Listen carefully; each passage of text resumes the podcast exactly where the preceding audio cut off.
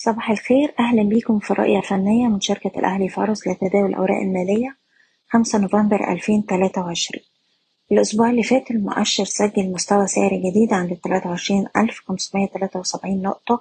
ومن هنا بدأ يواجه بعض الضغوط البيعية دفعته للتراجع لمستوى الاتنين وعشرين ألف ومتين من هنا قدرنا نتماسك ونرد ونقلل كتير من الخسائر بتاعتنا خلال الأسبوع. وقفلنا جلسة الخميس على ارتفاع عند مستوى الاتنين وعشرين ألف وستمية تسعة وتلاتين نقطة.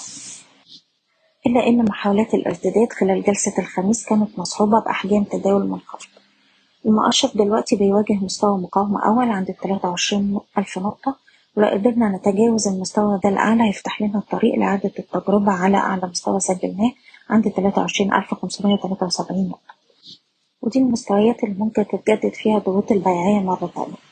أما عن مستويات الدعم دلوقتي بقى عندنا اتنين وعشرين ألف تلتمية سبعة وسبعين ويليه مستوى الواحد وعشرين ألف خمسمية وتمانين نقطة. على الأجل القصير بننصح بتخفيض مراكز الشراء بالهامش ورفع مستويات حماية الأرباح لأقل مستويات اتسجلت الأسبوع اللي فات حسب كل سهم على حدة.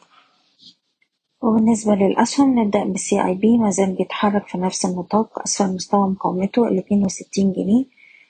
اختراق المستوى ده هيفتح له الطريق لمستويات التلاتة وستين والأربعة وستين. بننصح بالاحتفاظ طول ما إحنا محافظين على أقل مستوى اتسجل الأسبوع اللي فات عند التسعة وخمسين ونص.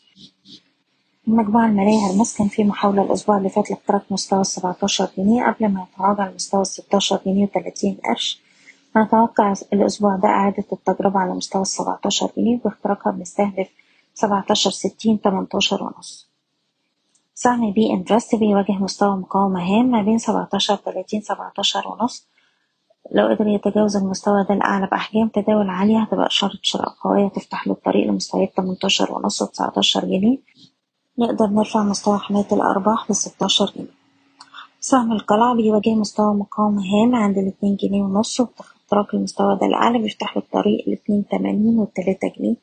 العربية حليب نقدر نحتفظ طول ما إحنا محافظين على مستوى الأربعة جنيه وستين قرش. من هنا ونتوقع إعادة التجربة على خمسة عشرين والخمسة أربعين. وأخيرا العربية لإدارة الأصول وصل لمستوى الدعم بتاعه الخمسة وسبعين قرش. ومن هنا بنتوقع الارتداد لإعادة التجربة على مستويات التسعين والخمسة وتسعين قرش.